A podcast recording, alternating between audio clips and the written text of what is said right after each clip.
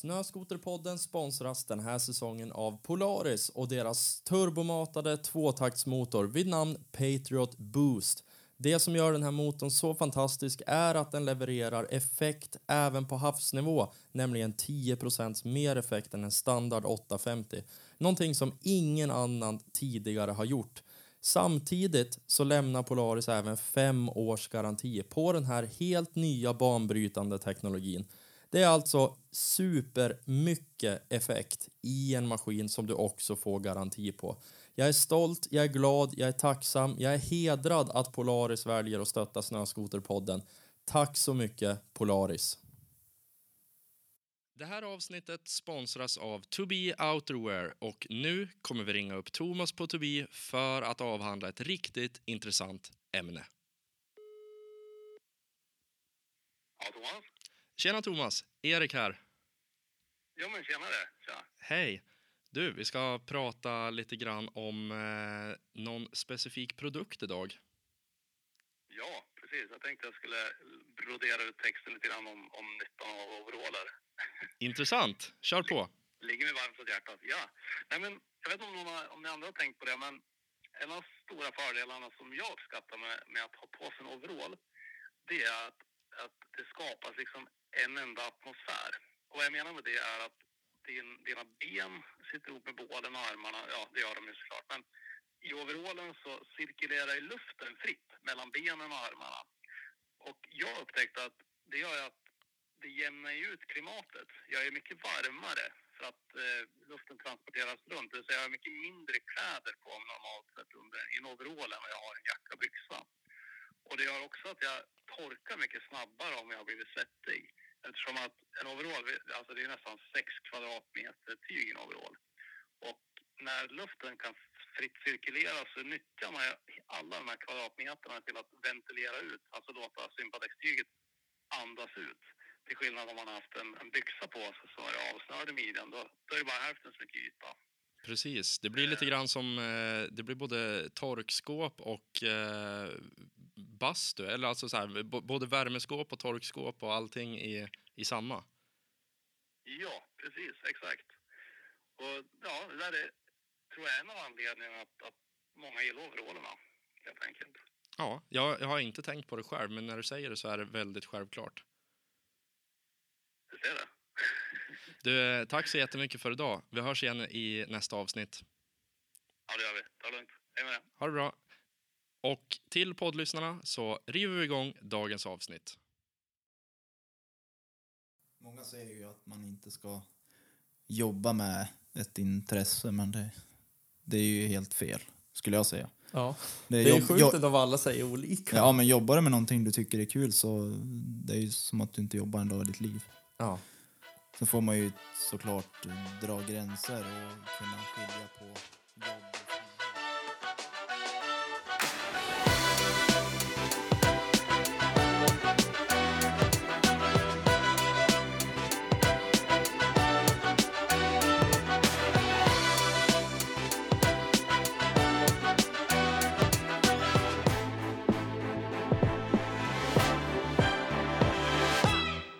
Hej allihop och välkomna ska ni vara till ett nytt avsnitt av Snöskoterpodden, närmare bestämt intervjuavsnitt nummer 35 i ordningen.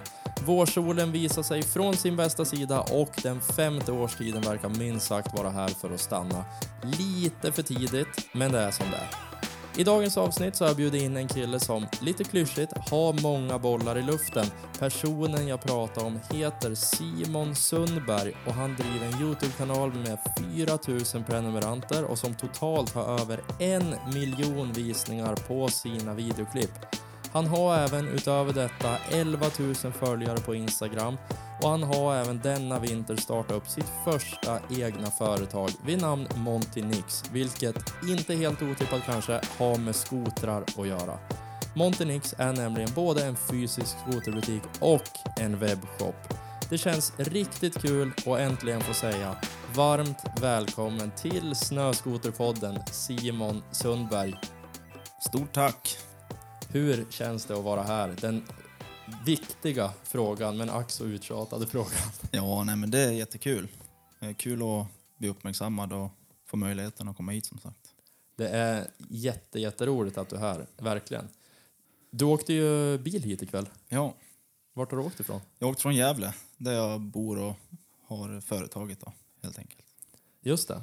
Vad är det som är, vad är, det som är bra med Gävle? Oj, eh, kan börja med det som är lite dåligt är väl att det är dåligt med snö. Ja, Men, alltså eh, Gävle och skoteråkning, det klingar ju inte, det klingar inte jättebra. Nej, men det, är, det känns ändå som en liten, ett centrum för genompasserande eh, skoteråkare som åker uppåt. Så att mm, geografiskt sett så ligger det väldigt bra till. Och eh, det är fler än vad man tror som faktiskt eh, är intresserade och åker skoter där nere. Ja, jag, jag kan tänka mig det. Och sen eh, det blir ju också att alla, om man driver skoterbutik där, alla stockholmare exempelvis som har någon stuga norröver, de åker ju oftast via Gävle. Ja, Allt som Det- oftast. Så det måste ändå bli, ja det som du säger, det blir en liten genomfart. helt klart. Och eh, nej, men det är roligt. Det är även många nya som kanske inte... Nu har vi fokuserat lite mer på just eftermarknadsgrejer och sånt där som inte tidigare har byggt om maskiner men nu, som nu ja, men har fått upp ett öga för det och tagit tag i saken. Mm. Så att du skulle ändå säga att ni sätter Gävle på skoterkartan kanske? Lite grann. Lite grann kanske. Ödmjukt. Ja, absolut. Eh, Gävle, är det, en, är, det en, är det en vinterstad eller är det sommarstad? Oj, väldigt delat. Det är väl mest sommarstad skulle jag väl säga. Vad gör man annars på vintern om man inte, om man inte åker skoter? Oftast så är det ju höst året eh, om där. Vintersäsongen. Ja, men tyvärr, senaste tiden har det varit det. Det kommer väl några vintrar där det är lite bättre. Ja. Men det är aldrig någon riktig alltså, skoteråkning som, som det blir uppåt. Nej, just det. Man får vara glad om man kan ta sig ut på, på sjön eller ta sig ut med familjen. Ja, men det, det finns många fördelar i, i att göra olika saker också. Oh ja. Du, eh, du bor i Gävle nu. Ja. Är du född och uppvuxen där också? Nej, jag är född och eh, uppvuxen i Ockelbo. Är jag. Eh, Jag har bott där ungefär tills jag var 16 i alla fall. Sen eh, flyttade vi mer och mer till, till Gävle då. Ja, just det. När, vad, vad hände när du var 16? Varför, varför flyttade du? Dels Jag för... tycker Ockelbo, det är liksom världens bästa snöskotrar först och främst. mm. Så det måste ju ändå vara en härlig ort att bo i. Ja, nej men jag lirade hockey och sånt där och gick i skolan i, i Gävle när, sena tonåren så då fixade vi lägenhet där och det vart väl ganska naturligt att jag hamnade där. Okej. För det, hur långt är det, är det från Ockelbo till Gävle? Ungefär fem mil. Fem Ja, det är inte längre. Nej, Nej, då är det ju såklart ganska... Ja, det blir närmsta stora staden liksom. ja. Hur var, hur var barndomen då? Den var bra. Det, den har ju präglats mycket av idrott, har den gjort. Både fotboll och hockey. Och, sen har ju cross och skoteråkning alltid varit, varit med i bilden. Ja, så det är så? Ja. Så det har varit eh, fritidsintressen från barnsben? Absolut. Det, det har väl fortsatt över från eh, pappas sida, om man säger så. Okej. Han var motorfreak? Ja, nej men pappa han tog väl alltid med mig på skoterturer och sånt där när jag var, var mindre. Man satt där framför och fick whiplash-skador. upp och ner. Ja. Eh, och det har ju liksom alltid varit, även om man liksom var dödstrött och satt där och sov så vart man förbannad för att man inte skulle få vara med. Då, Ja, exakt. Man skulle ändå sitta och kramphålla fågelpinnen där framme. Ja, Burkremmen. ja. Sen de, de bästa barndomsminnen och sånt där är ju från fjällresor och sånt där. Så det har jag varit med länge. Jag vet inte om jag sa det, men jag har ju ett handikapp. Jag är född eh, med bara en hand, så att min vänsterhand är eh, i princip obefintlig.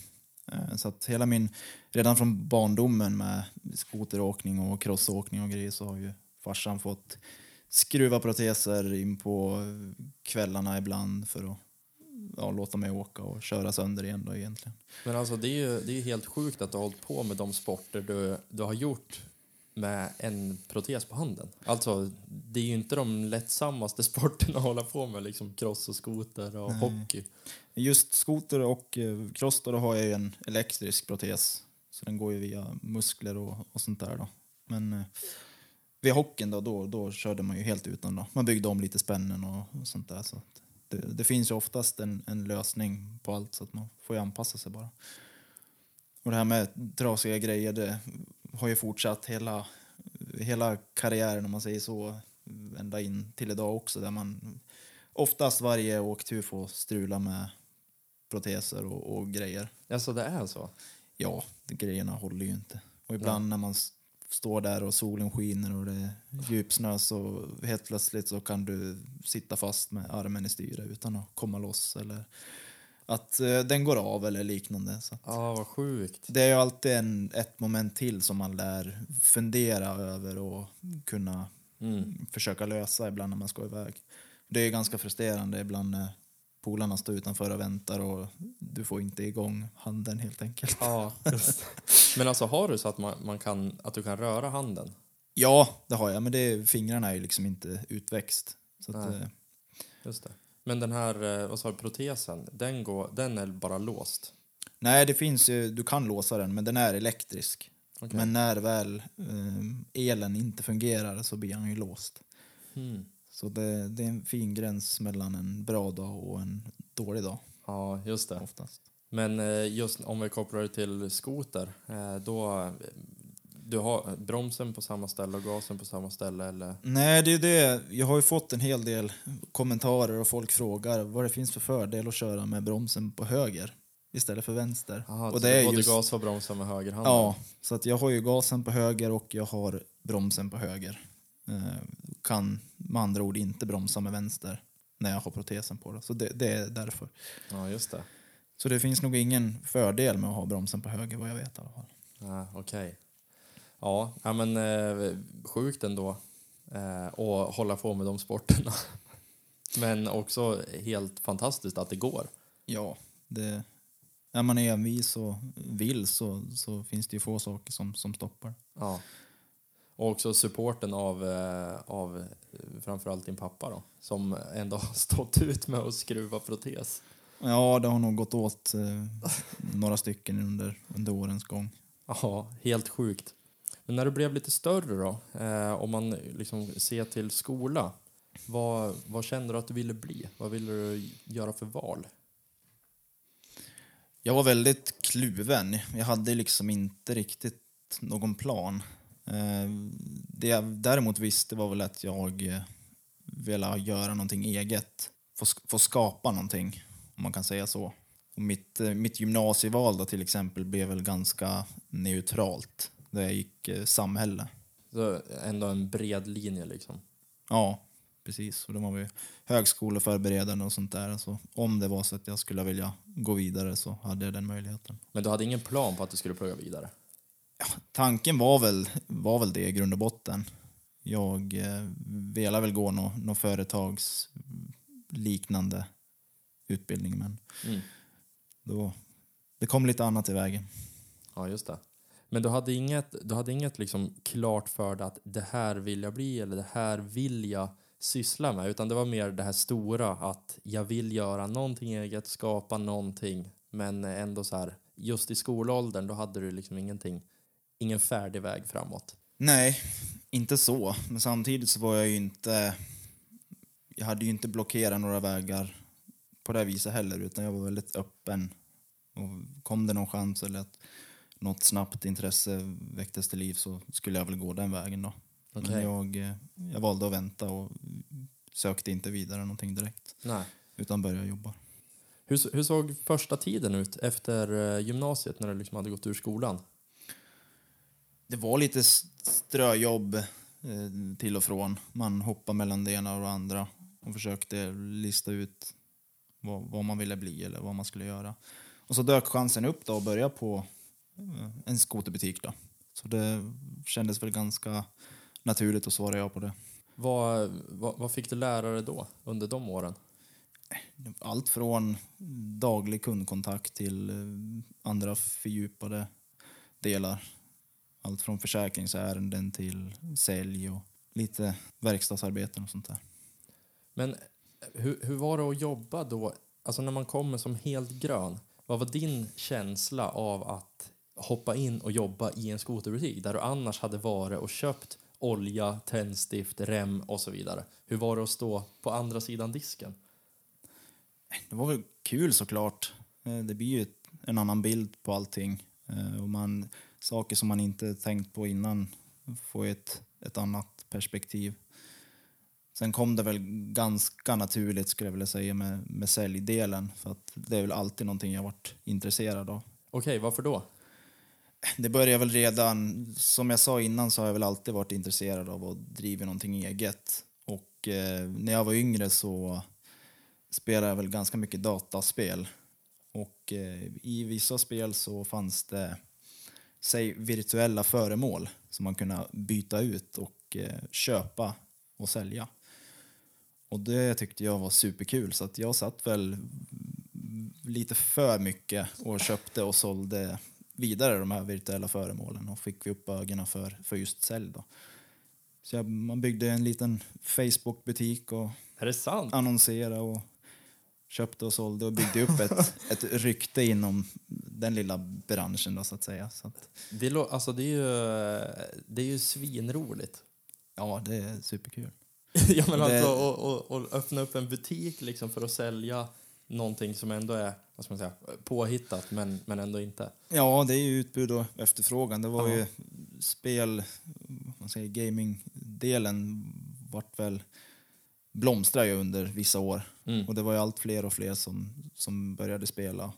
Och där byggs det upp ett, en efterfrågan då på vissa grejer som förändrar utseende och hur saker och ting rör sig. Ja, Så det snappade man ju upp då och såg att det finns lite pengar att göra på det. ja, just det.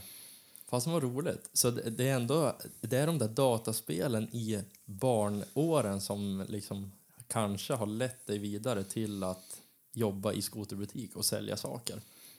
Ja, i grund och botten så är det det. För att det, det handlar ju om, om sälj. Det, det är det jag liksom. tycker är roligt. Och sen så väcktes väl intresse för sociala medier och man såg dels potentialen och tyckte att det var superkul att integrera med kunder både online och i fysisk butik. För det var någonting du, du fick jobba med där på skoterbutiken. Ja, precis. Jag drog igång och körde stenhårt på sociala medier. Såg väl att det fanns ett eh, behov av det. Eh, man märkte att vissa inlägg man la ut fick eh, stor ex exponering och allt fler följare. Och man körde lite giveaways och det är ett snabbt sätt att få kontakt med kunder. Mm. Det är att skicka iväg ett DM och så kan du svara på 10 sekunder i princip för att du får ju upp notis i telefon. Ja, exakt. Eh, Det, det blir ju extremt snabbt, mycket, mycket snabbare än en mail eller någon annan kommunikationsform egentligen. Ja, när det gäller såna här dagliga grejer så föredrar jag faktiskt att ta allting via, via Instagram för att man, man hänger ju mycket via telefon och jobbar ju ganska mycket via telefon. Ja, exakt. Det, det är kul att du säger jobba mycket via telefon för att ofta så man ser det inte riktigt som ett jobb, man ser det som ett tidsfördriv. Men det är ju faktiskt det om man väljer att vrida det på det sättet. Så är det absolut. Och det, snabbt är oftast bra i, i de sammanhangen. Ja, Svarar du fort så får du ju oftast sälja den grejen vid det tillfället. Då. ja, Och det märkte jag väl ganska tidigt vid, vid det här skedet när jag började vid butiken. mm. Och sen har jag ju tagit med den delen då, dels i det privata livet som man säger inom, inom branschen och bara kört på. Mm. Just för att det har varit så jäkla kul. Då. ja men för du har ju ett, ett väldigt stort Instagramkonto, närmare bestämt 11 000 följare. Det är ingenting som görs i en, i en handvändning. Nej, det är väl samma där. Är man trans, transparent och liksom gillar det man gör och gör det för att man tycker det är kul så kommer det ganska naturligt. Hur kommer det sig att du började med Youtube sen? För det är ju ändå ett, ett stort steg, eller vad man ska säga. Det började väl med ganska tidigt, eller inte tidigt men jag har gjort lite videos här och där. Det är ju mest bara för, för skoj och ha någonting att titta tillbaks på när man blir äldre. Det är väl mest för ens, för ens egen skull då, så att säga. Men det är ju ändå seriöst gjort. Ja, vissa grejer kanske. Det, det är ju väldigt tids, eh, tidsödande och det tar tid att redigera och försöka få allting bra. Sen är det ju, det är ju väldigt, väldigt svårt att filma och köra samtidigt. Ja, ja det är det. Alltså, för när du har just skoterinriktningen Det blir ju, det, det, alltså det, det är jobbigt att ta fram en kamera i skogen för att göra en linje. Mm. Speci- exempelvis. speciellt blir det väl också när en annan inte åker så väldigt, väldigt mycket där man är, bor där man bor. Så oftast när man hittar jätte, jättebra åkning då, så det tar ju emot att ta upp kameran eller Ja. Men i slutet av dagen, då är det ju ändå kanske det som eh, man är glad att man har gjort. så är det ju. Det är väl det också, att kunna titta tillbaka och mm, komma ihåg den resan. Mm. Nej, men, och eh, det är ju svinroligt för du har ju på Youtube så har du över en miljon visningar totalt på dina videoklipp och det är inte så många videoklipp ändå så att du har ändå fått väldigt bra genomslagskraft. Vad, vad tror du är som har gjort att du har fått sån genomslagskraft på, på just Youtube? Jättebra fråga, jag vet inte. Jag skulle tro Det är ju att... här du ska säga att jag vet exakt vad jag har gjort rätt. Nej men, nej, men det är svårt att säga. Jag tror eh, folk, i grund och botten så måste man kunna relatera till någonting man tittar på.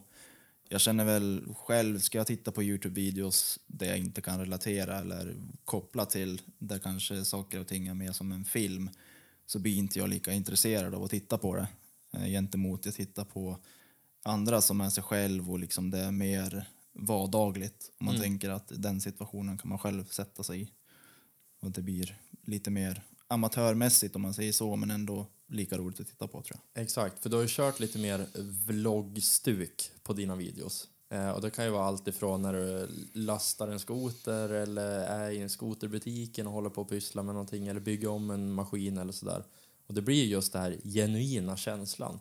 Till skillnad från en, en proffsfilm eller vad man ska säga. Ja, det absolut. Och just det här med att kunna relatera till allting så har eh, det har jag tagit med mig också in i ja, men hur vi driver firman och sånt där nu. För eh, det är viktigt att kunna ja, men känna sig personligt involverad och att man det blir mer personligt så att säga. Mm, exakt. Ja, men eh, det, är väl det vad ska man säga, tittarna vill ha. Man vill kunna relatera. Mm. Och det, det är precis som du säger, om jag vänder det till mig själv. Om jag kollar på 509s filmer eller Slednex filmer, det är coolt, men det, blir så, det blir så långt ifrån en själv så att det blir till slut så blir det inte så underhållande. Eller om, om, man, eh, om det make a sense att säga så. Jag förstår exakt vad du menar. Så, liksom- känner jag också när, när jag tittar på saker och ting. Jag vill säga, ett, ett dropp som är 40 meter långt, ja, det är coolt. Men eh, i slutändan så, ja, det, det är så långt borta så att man, ja, det, det blir inte så kul. Nej, helt konstigt klart. nog. Ja, men där har du verkligen lyckats med någonting. Men eh, prata inför folk, det är ju bland det värsta som finns, enligt väldigt många. Men eh, du har inga sådana hämningar som pratar på Youtube. Jo, det är väl lika för mig också, men man, lä- ibland får man väl sluta bry sig helt enkelt. Och bara skita i allt. Ja, grund och botten. Ja, Det, det är kul. Men det, någon kan ju garva åt det, man får väl se det på det viset.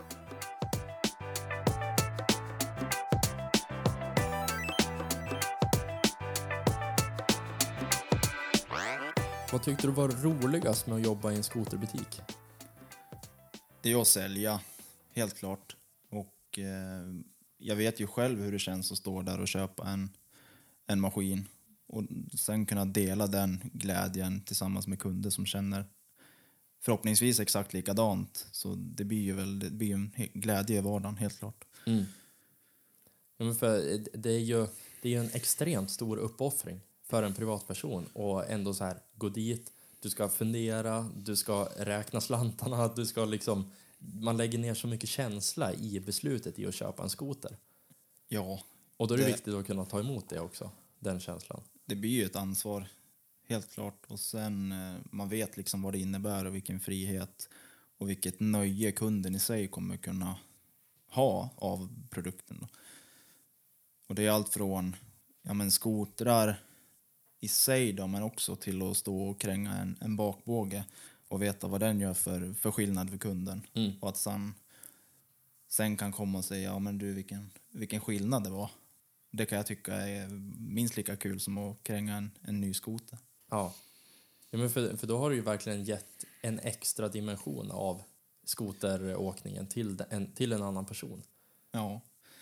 Och det, det, ju- det här kopplas ju tillbaks till när jag sålde de här virtuella föremålen och sånt där också. Det, det är ju en speciell känsla när man själv vet exakt vad kunden känner. Mm. Och det, det är den, den röda tråden att kunna relatera mellan säljare och, och kund. Exakt. Eh, om jag vänder på frågan, vad tyckte du var svårast med att jobba i en skoterbutik? Svårast är väl att alltid vara tvungen att ha ett, ett glatt ansikte. Eh, Man får inte ha några några dåliga dagar, för då kan ju påverka företaget i sig ganska grovt.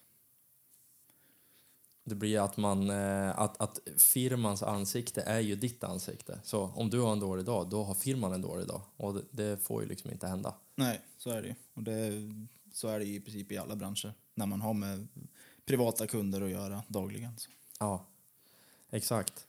Men nu driver du ju eget företag, Montenix. Ja, Ni startade det i... Ni, ni måste typ nästan börja rulla igång för typ ett år sedan kanske. Börja jobba på det. Eh, och sen lanserar ni i december va? Ja, för uh, ungefär ett år sedan då, inte exakt, men ungefär ett år sedan så började jag väl marknadsföra och, och kötta på att vi skulle öppna. Och att det skulle bli en ny butik i Gävle då. Både webbshop och eh, vanlig fysisk butik. Och det kom väl ganska naturligt med sociala medier där det finns väldigt mycket att hämta och det går väldigt fort att sprida någonting. Och det gjorde jag ju tillsammans med mitt eh, privata konto och eh, öste på och marknadsförde in i kaklet helt enkelt. Vart kommer namnet ifrån? Namnet kommer ifrån latin och eh, det är ifrån Montibus och Nix. Så vi tog helt enkelt bort buss och satte ihop Monty till Nix. Och det betyder? Det betyder berg och snö. Ah, Bergmiljö och snö på snö, latin. snötäckta berg, typ. Det var min sambo, vi satt i bilen på väg.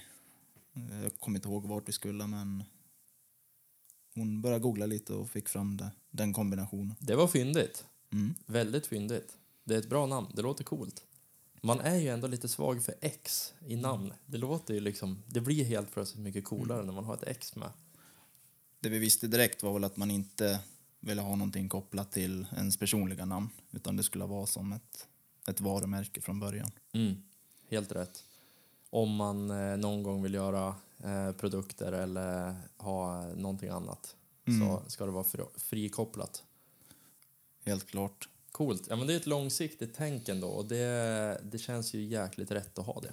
Mm. Jo, men det blir väl lite roligare för kunder också att kunna ha ett, ett riktigt märke på, om man säger då, kläder och eventuellt produkter i framtiden. Mm, exakt. Jag hoppar tillbaka lite grann eh, till när du jobbade i, eh, på ditt förra jobb. Då, eh, liksom, vilket stadie befann du dig i när du kände att Nej, men nu är det dags att starta någonting eget? För det är ändå ett stort steg. Man kommer ju till ett moment 22 i allting. Eh, och jag känner mig själv och vet när det är dags att gå vidare helt enkelt. Och det, då kände jag att det var... Tillfället kom där det fanns ett eh, annat jobb som skulle kunna göra den möjligheten möjlig och då tog jag den. Så hur, hur gick tankarna? Var det oro? Var det skräck? Var det pepp? Vad, hur känner man? Alltså, liksom, vad är känslan när man står inför ett sånt beslut? Det är ändå eh, livsomvälvande. Det är en väldig ovisshet eh, och det är ju en uppoffring. Eh, jag visste väl i grund och botten vad det skulle innebära. Dels ekonomiskt och tidsmässigt. För vi körde ju på med ett annat jobb under tiden medan man började rodda i, i det här. Då. Och det är mycket pengar som ska in för att kunna lagerföra sådana här produkter. Och det är ju en jäkla press att få ut dem för att när väl våren kommer och du ska lägga alla förorder på alla andra grejer så måste du ju ha sålt ut lite också. Mm. Ja, exakt. Det är lite panikartat om man har allting kvar när säsongen är över och sen ska du börja beställa inför nästa år. Mm. Det, blir, det är lätt att det blir omlopp, att det hamnar på varandra men jag tycker säsongen har varit lyckad, även fast den har varit väldigt upp och ner för de flesta, tror jag, både åkare och handlare. Just i brist på produkter och väldigt omväxlande väder. Ja, det har varit en ganska knepig säsong på så sätt. Det, det har det ju verkligen varit. Eh, men rent konkret, hur, hur kom det igång? Hur, eh, när du hade bestämt dig liksom för att du skulle köra på det här fullt ut, hur, eh, vad gjorde du? Vad tog du för beslut? Jobbar ju på resande fot efter att jag bytte jobb. Och eh, det var 12 timmars oftast, borta på annan ort. Så man körde från 7 till 7. Sen eh, var det ju upp med datorn då när man kom till hotellrummet så var det bara att knappra. Ja, för du, du jobbade på ett annat jobb samtidigt för att liksom hamstra pengar och för att liksom få igång det. Ja, och just genom att det här var ju våren så att jag hade ju inte kunnat hoppa på och sälja snöskotrar i maj, Det hade inte blivit kanske. succé kanske. Nej, så jag tog väl, hade väl lite sunt förnuft och tänkte att jag lär ju göra någonting annat tills hösten kommer så att säga.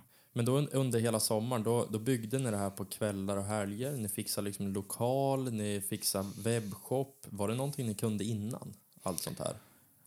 Nej, nej men det, det finns mycket information att, att ta del av på internet. Och man är självlärd helt enkelt. Så vi fick tag på lokal som vi sen började hyra då. Och sen var det full rulle med renovering på, på kvällar och nätter då, i princip.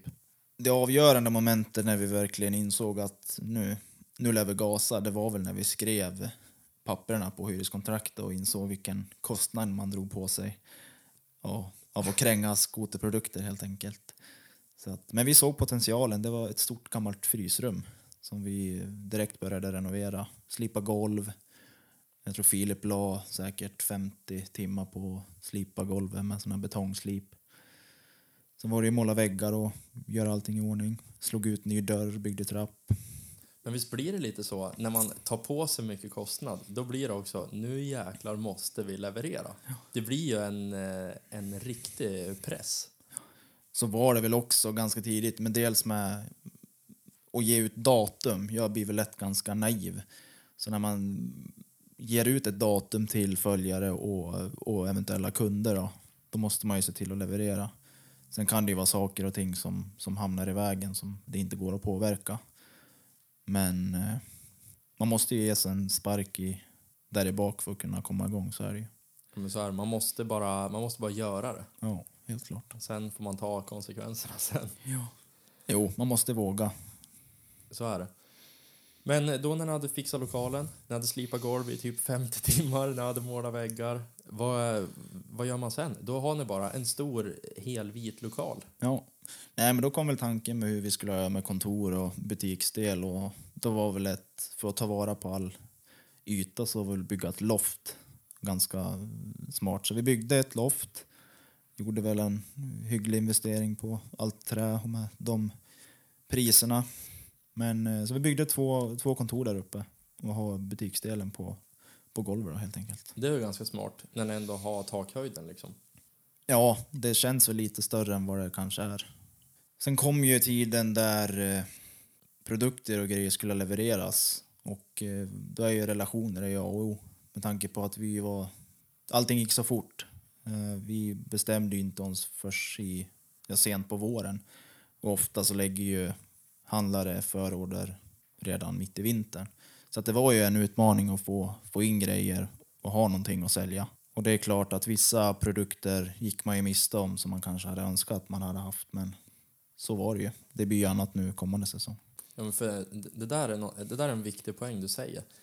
Det, det känns ju ganska sjukt, men man, man beställer ju liksom förorder typ, ja alltså det är ju fasen åtta månader innan de levereras egentligen. Mm. Eh, och där, om du säger att ni liksom kommer igång med butiken eller ni tar ett beslut på våren, då är man ju utanför allt det där. Och det blir att man, man missar rätt mycket. Men eh, då är ju också relationerna jäkligt viktiga och de hade du sen innan. Ja, de flesta av leverantörerna och folk i branschen har ju i princip daglig kontakt med. Så att eh, hade det inte varit så så hade det kanske inte gått. Allt handlar om relationer. Ja, det, det är väl ett, ett, ett enkelt svar på en svår fråga. Ja, exakt Men det, det, relationer är A och spelar ingen roll. Men ni driver ju också en webbshop, så det är inte bara fysisk butik.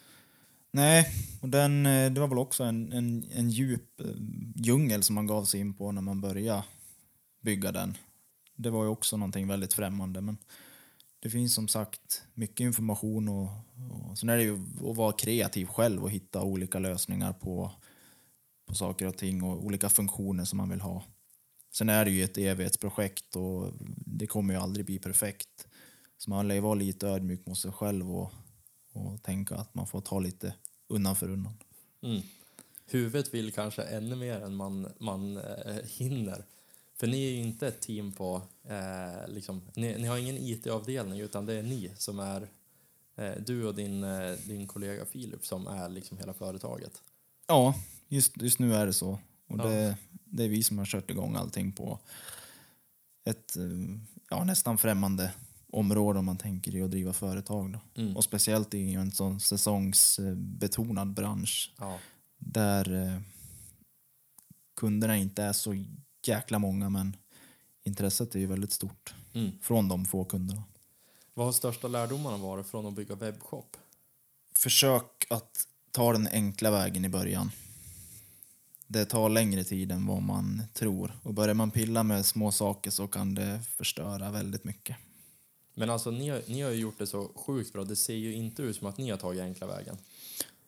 Nej, men det är mycket tid. Det var ju som sagt mm, när man låg borta och det var ju väl varje, varje dag i princip efter sju då på kvällen som man satt och höll på och försökte knäcka, knäcka koden då för att fixa till allting. Men tog ni ingen hjälp alls? Webbshoppen är helt byggd av, av oss. Det är, alltså det är, det är ju helt sinnessjukt. Jag, tyck, alltså, jag, jag tycker att det ser så jäkla snyggt ut. Det är proffsigt. Det är tilltalande för målgruppen. Det är väldigt rätt i tiden. Det ser liksom fräscht ut. Och alltså, jag, jag är extremt imponerad över det faktum att ni, ni gör det själv. Ni har liksom inte en, en IT-avdelning på, på 50 pers som många andra stora företag har eh, som liksom ser till att det ser snyggt ut, utan det är ni som gör det. Så eh, ja, ja, hatten av, alltså det, det är skitcoolt. Jättekul att höra. Sen är det ju, det är klart ingenting är perfekt och det finns väldigt, väldigt många funktioner som vi kommer att införa just om vi säger modellsök och eh, lägga in mer ja, men reservdelar och kunna få ett bredare sortiment på det också. För nu har vi ju faktiskt fokuserat mest på ja, men större produkter som frontbågar, bakbågar, framvagnar. Så det, det är en enklare sortering. Mm. Men i framtiden kommer det givetvis vara ett, ett bredare utbud. Ja, Nej, men, det är väl sånt man får bygga eftersom. Det är ju klart, det, det är lättare att bygga basen först med liksom de här eh, större produkterna. Ja, Sen när man ska börja lägga in eh, tusentals packningar och små saker, då, då blir det ju snabbt att det är en helt annan massa att hantera. det blir, det blir mycket, helt klart. Det, Ja. det funkar ju att beställa grejer som sagt och vi har faktiskt fått väldigt positiv feedback från kunder som har tyckt att det funkar bra med snabba leveranser och bra snabb service. Har ni eh, någon gång frågat er själv vad ni har gett er in på? Ja, det har blivit många sömnlösa nätter. Det har det helt klart blivit. Vi eh, satte ju olika datum när vi skulle ha invigning, dels för fysiska butiken då. Sen kom det saker och ting lite i vägen.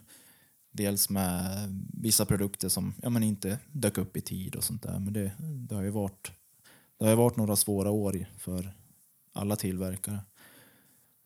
Så att vi stod, när vi skulle ha invigning så väntade vi på en trapp eh, vilken inte kom. Så på lördag morgon så hade vi invigning vid 10.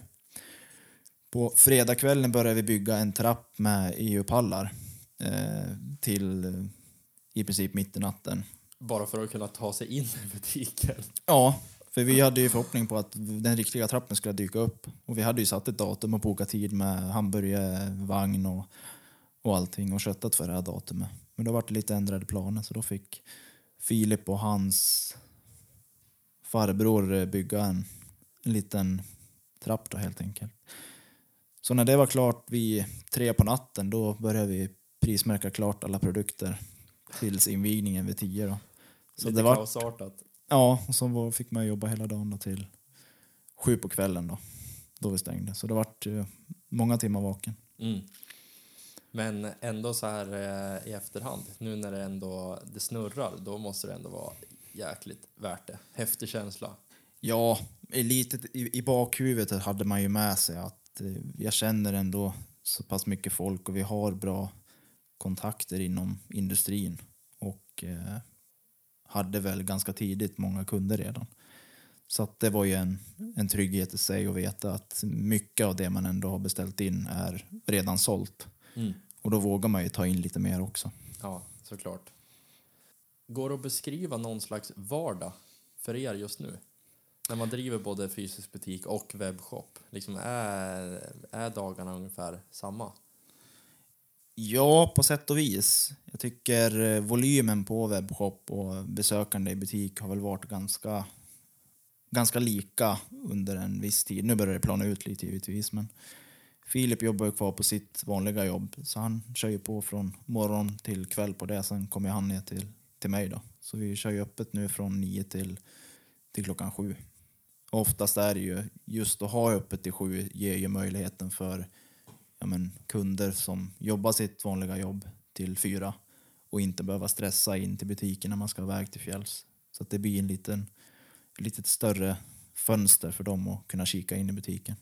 Ja, alltså i, egentligen, om man bara ska se till slutkunderna, det hade ju egentligen varit bättre om man har öppet mellan fem och åtta på kvällen, exempelvis. Tanken har slagit oss, absolut. För att man märker ju en stor skillnad på förmiddag och eftermiddag. Mm. Många som kommer in kanske runt tre, fyra, fem tiden. Man eh, har möjlighet att komma in mot slutet av dagen när man ändå ska sluta jobbet. Ja, och så just att vi ligger där vi ligger. Många jobbar ju kring, kring stan. Och att vi ligger precis i utkanten så det ger ju en möjlighet för folk att svänga förbi lite snabbt innan man åker hem. Precis. Men eh, arbetsuppgiftsmässigt då? Hur ser en dag ut? Det är väl ganska mycket packa paket, är det helt klart. Det är allt från stora till små. Sen är det ju, det kommer ju in folk varje dag och kikar på grejer och sånt där. Sen är det ju lite maskinleveranser och lite enklare ombyggnationer och kapningar och lite sånt där.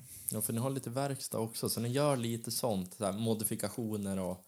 Ja, vi håller oss till ja, lite ombyggnationer och sånt där. Just reparationer och sådana verkstadsarbeten har vi inte riktigt eh, börjat med ännu. Men det är ju också en sak som förhoppningsvis kommer i framtiden.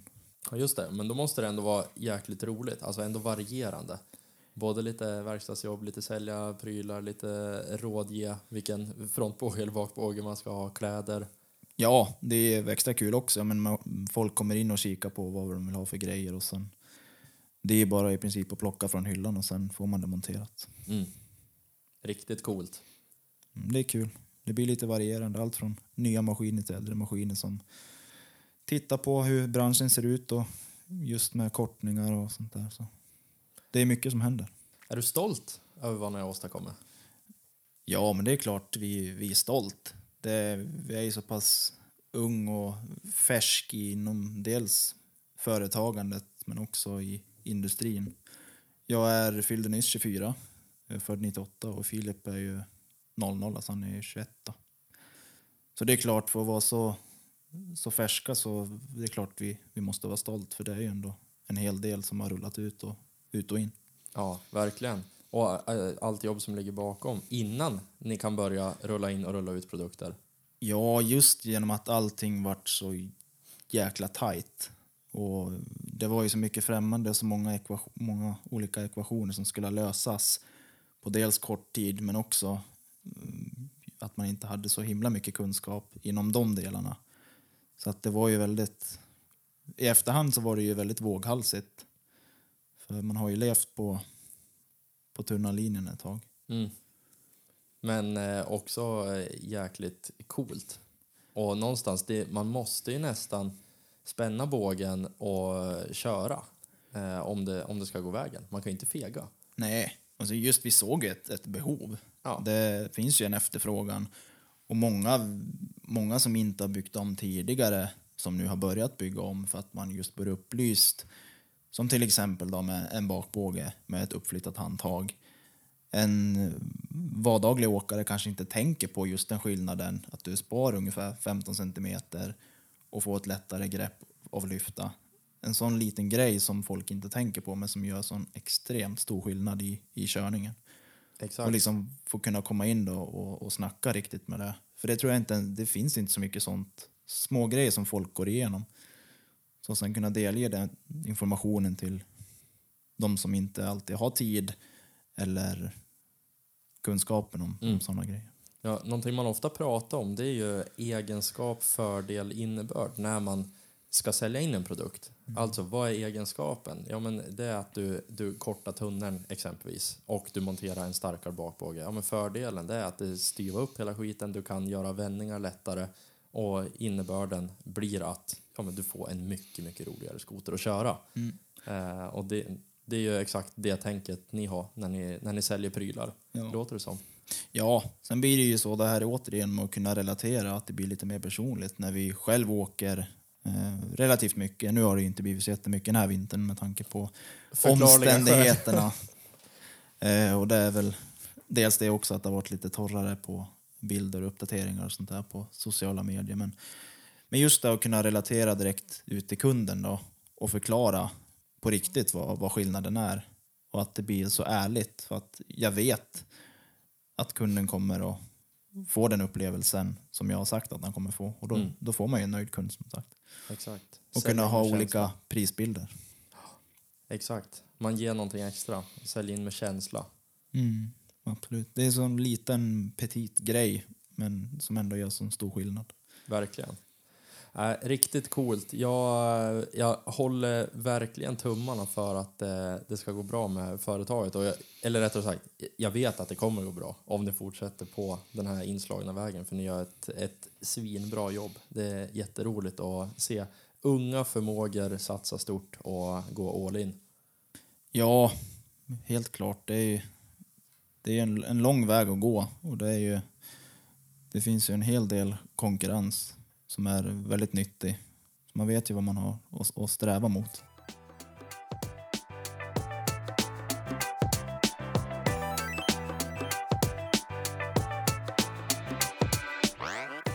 Vad drivs du av? Jag drivs av mycket, skulle jag säga. Men i grund och botten är det ju intresset av, av branschen. Och det är allt från just små tillbehör som gör stor skillnad till eh, åkningen i sig, naturen, avgaslukten.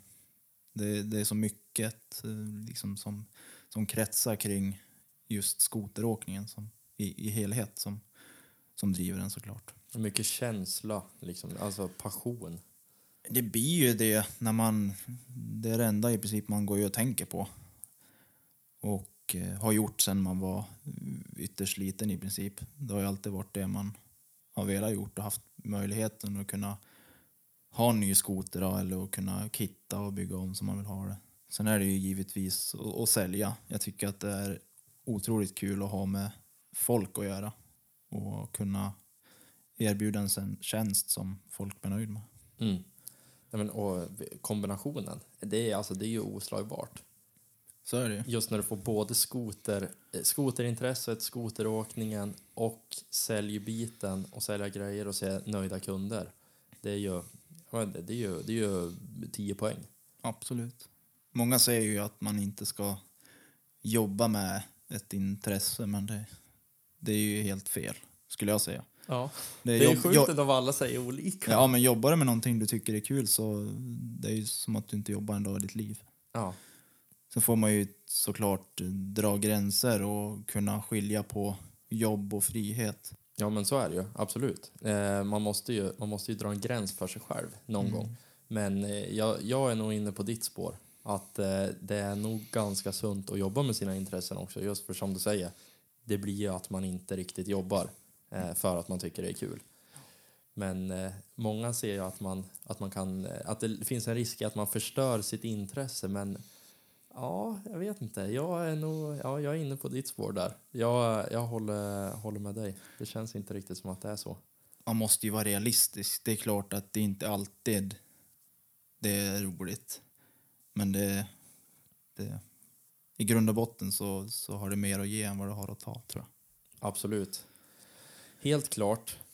Vad, vad har du för drömmar och mål för framtiden? Drömmar är väl såklart att kunna fortsätta med, med företaget och utveckla allt från reservdelssidan och tillbehör till att en dag kanske kunna sälja nya maskiner. För nu har vi ju, vi säljer ju begagnat, bättre begagnat. Och det är väl det vi har hållit på med under den här tiden då. Så det är det och eh, tillbehör. Ja, just det. Så framtiden, eventuellt att få ta in ett eh, varumärke för att sälja nytt. Ja, absolut. Drömmen är ju att kunna ha en, en spritt ny butik också såklart. Det, det får tiden utvisa. Mm. Det har vi väl på vår sida. Det blir, det blir superspännande att följa, verkligen. Apropå framtid. Vi spelar in det här i mars månad och våren verkar, vad ska man säga, tyvärr vara här för att stanna. Eh, hur ser säsongsavslutningen ut för din del som kommer inom då en snar framtid? Kommer väl att fortsätta sälja grejer till i alla fall april månad ut. Sen efter det så finns det lite andra jobb som, är, som inte har med den här branschen att göra som vi förmodligen går på och kör på lite tills ja, början på eh, sensommaren då helt enkelt. Där vi får köpa in lite maskiner och börja göra ordning inför vintern. Då. Just det. Så du kommer inte åka någon mer skoter? Ja, det blir väl lite åkning nu i april. Det blir det väl. Lite under påsken och sånt där. Men Någon liten fjällresa? ja, men för min del så, så har det väl... Det har inte blivit så mycket och det blir väl inte så mycket mer heller. Det är jobb. Ja, men Bistra försöka... sanningen. Ja, det, det blir väl lätt så. Speciellt första året kanske. Ja, spännande. Verkligen.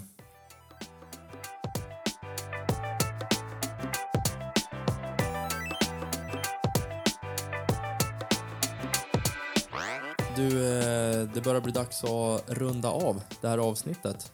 Ja. Hur har det känts att spela in? Sjukt kul att få vara med och bli uppmärksammad. Det betyder att någon har lyft på, på ögonbrynen i alla fall. Så det, det är superkul. Och det är som sagt, vi är alldeles nya och vi har ju en lång tid framöver att kunna bygga vidare och göra allting, allting bättre såklart. Ja, äh, det är givet från min sida. Jag tycker det är jätteroligt. Verkligen värt att uppmärksamma. Ja. Det är någonting utöver det vanliga enligt mig i alla fall. Om man skulle vilja komma i kontakt med dig, hur eh, gör man då? Det blir Instagram då. Just Det det, sälja prylar. Nej, men det går jättesnabbt att svara och jag svarar oftast eh, så fort ser jag notisen så svarar jag, helt klart. Och där heter du? Det är antingen på Montenix Instagram då, montenix.se heter vi där. Eller så är det på eh, min privata Simon Sundberg. Skulle du vilja säga någonting som jag inte har frågat om? Inte direkt någon fråga så, eller, men det våga om det är någonting eh, du vill göra eller har tänkt att göra. Du, du har inte misslyckats förrän du har gett upp, så är det ju. Sen hellre leva eh, ett kort liv och göra det man tycker är kul än att leva ett långt liv och göra det man tycker är tråkigt. Helt rätt mindset. Jättebra slutord. Simon Sundberg, stort tack för att du gästade Snöskoterpodden. Stort tack för att jag fick komma hit.